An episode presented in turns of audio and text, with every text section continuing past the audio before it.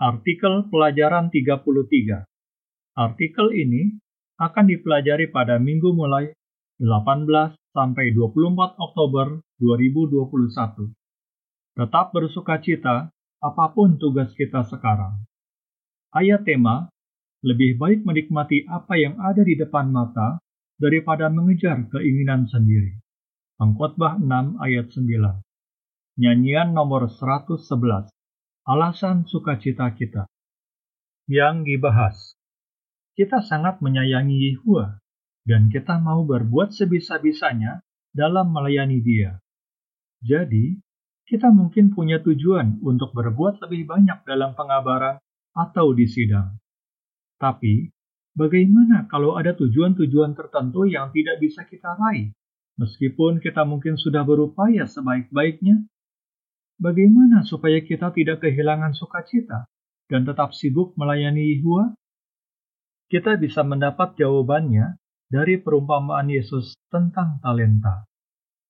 Paragraf 1, pertanyaan, apa saja yang dilakukan saudara-saudari kita untuk melayani Yehua? Akhir dunia ini sudah semakin dekat, dan ada banyak pekerjaan yang harus kita lakukan. Jadi, kita semua mau melayani Yehua sebisa-bisanya. Ada yang punya tujuan untuk menjadi perintis, bekerja di Betel, atau membantu proyek pembangunan. Selain itu, banyak saudara berupaya untuk menjadi hamba pelayanan atau penatua. Yehua pasti senang sekali melihat kerelaan hamba-hambanya itu. Paragraf 2, pertanyaan, apa yang mungkin kita rasakan kalau kita tidak bisa meraih cita-cita rohani kita? Kalau cita-cita rohani kita tidak terwujud juga setelah sekian lama, kita mungkin merasa kecil hati. Atau kita mungkin kecewa kalau kita tidak bisa mendapat tugas yang kita inginkan karena umur atau keadaan kita. Itulah yang dialami Melissa. Dia berharap untuk melayani di Bethel, atau mengikuti sekolah bagi penginjil kerajaan. Tapi dia berkata, saya tidak bisa lagi memenuhi persyaratan umurnya. Sekarang, cita-cita itu hanya tinggal mimpi. Kadang, saya jadi kecil hati. Paragraf 3, pertanyaan. Apa yang mungkin perlu dilakukan saudara-saudari supaya bisa mendapat tugas tambahan?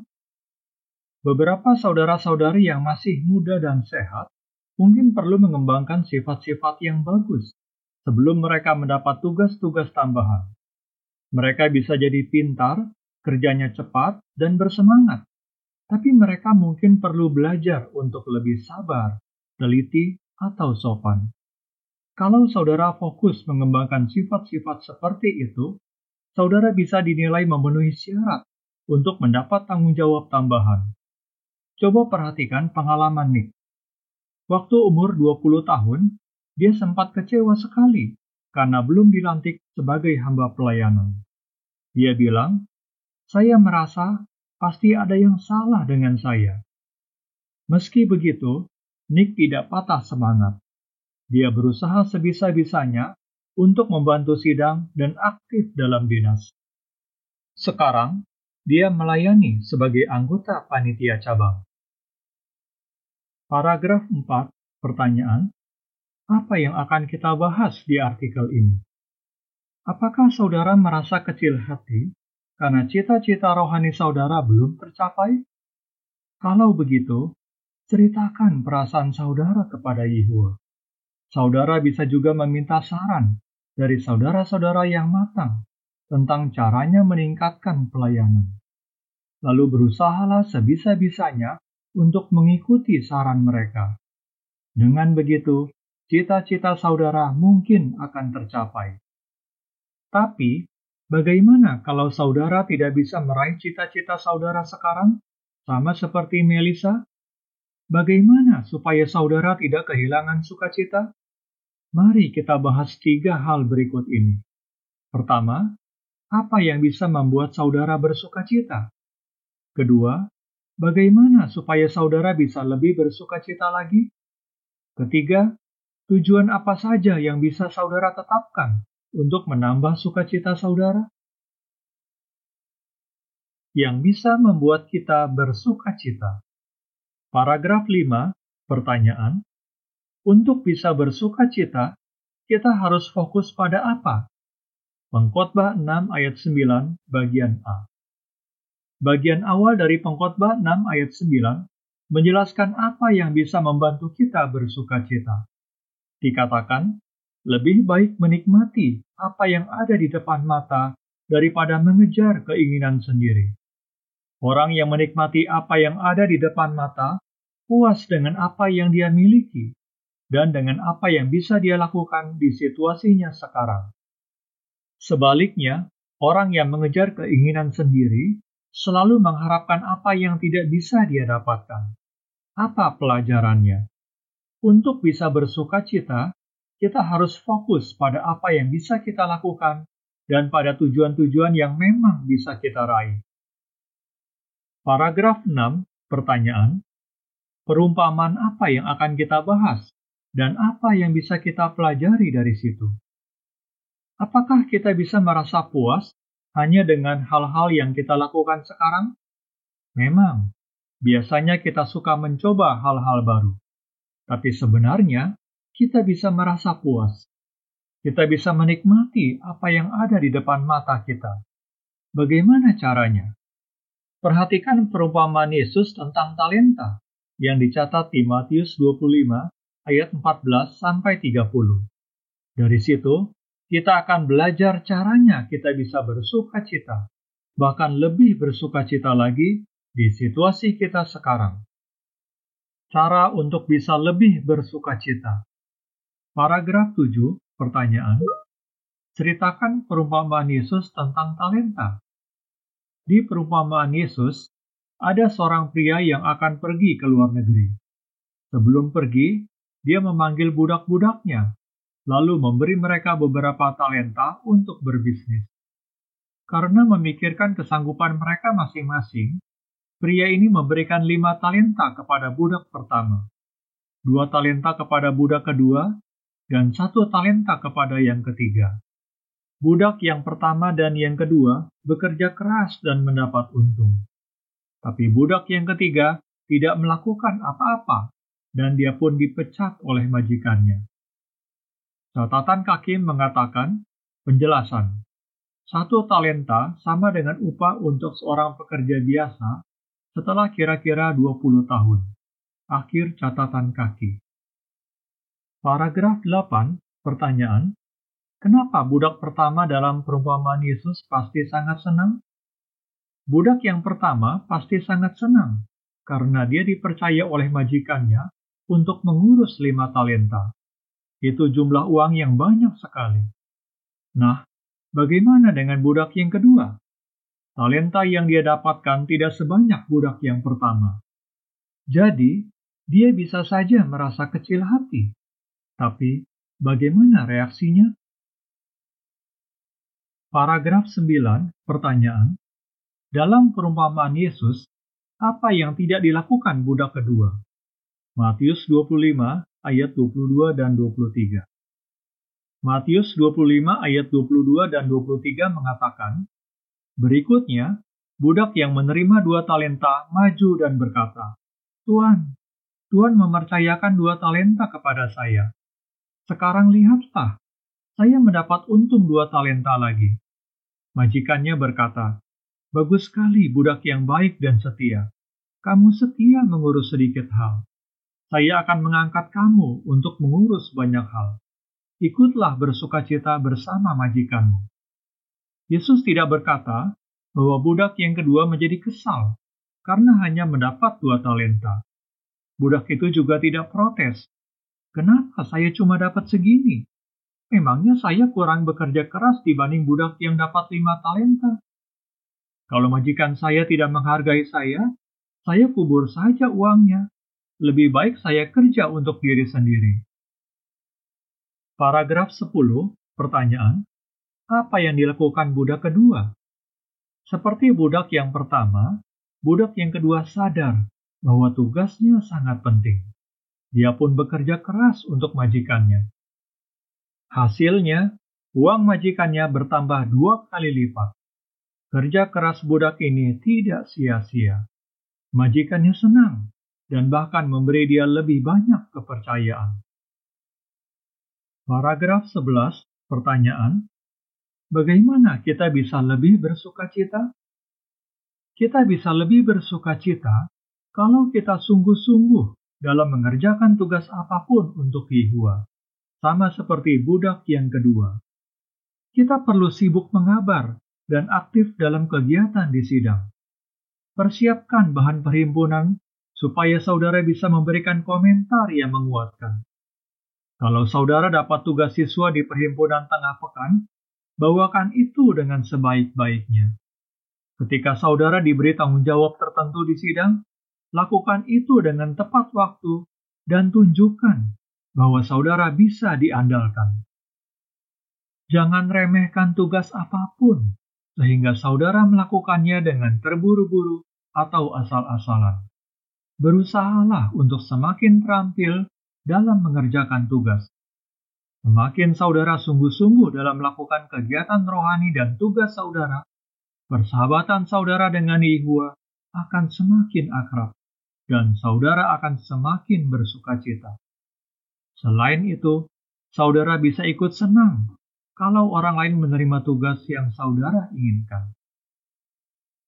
Gambar untuk paragraf 9 sampai 11. Apa yang bisa kita pelajari dari budak kedua dalam perumpamaan Yesus? 1. Dia dapat dua talenta dari majikannya. 2. Dia kerja keras untuk mencari untung bagi majikannya. 3. Dia membuat uang majikannya bertambah dua kali lipat. Paragraf 12, pertanyaan. Apa yang membuat Melisa dan Nick bersuka cita? Masih ingat Melisa, saudari yang ingin sekali melayani di Bethel atau mengikuti sekolah bagi penginjil kerajaan? Meskipun cita-citanya tidak bisa dia raih, dia berkata, saya berusaha melakukan yang terbaik dalam dinas perintis saya. Saya juga mencoba berbagai cara untuk mengabar. Hasilnya, saya sangat bersuka cita. Bagaimana dengan Nick yang sempat kecewa karena tidak dilantik sebagai hamba pelayanan? Saya fokus ke hal-hal yang bisa saya lakukan, misalnya ikut dinas atau kasih komentar yang menguatkan di sidang. Saya juga isi formulir beta, dan tahun berikutnya saya diundang untuk melayani di sana. Paragraf 13, pertanyaan. Apa hasilnya kalau saudara sungguh-sungguh mengerjakan tugas saudara yang sekarang? Pengkhotbah 2 ayat 24. Kalau saudara sungguh-sungguh mengerjakan tugas yang saudara miliki sekarang, apakah nantinya saudara akan mendapat tanggung jawab yang lebih besar? Bisa saja begitu, sama seperti Nick. Tapi, kalaupun saudara tidak mendapatkannya seperti Melissa, sukacita saudara bisa tetap bertambah, dan saudara akan benar-benar puas. Pengkhotbah 2 ayat 24 mengatakan, yang terbaik bagi manusia adalah makan dan minum, serta menikmati kerja kerasnya. Aku sadar bahwa ini pun berasal dari tangan Allah yang benar. Selain itu, saudara pasti akan bahagia karena tahu bahwa upaya saudara menyenangkan majikan kita, Yesus Kristus. Tujuan rohani yang menambah sukacita. Paragraf 14, pertanyaan. Apakah cukup kalau kita hanya fokus pada tugas kita sekarang? Jelaskan.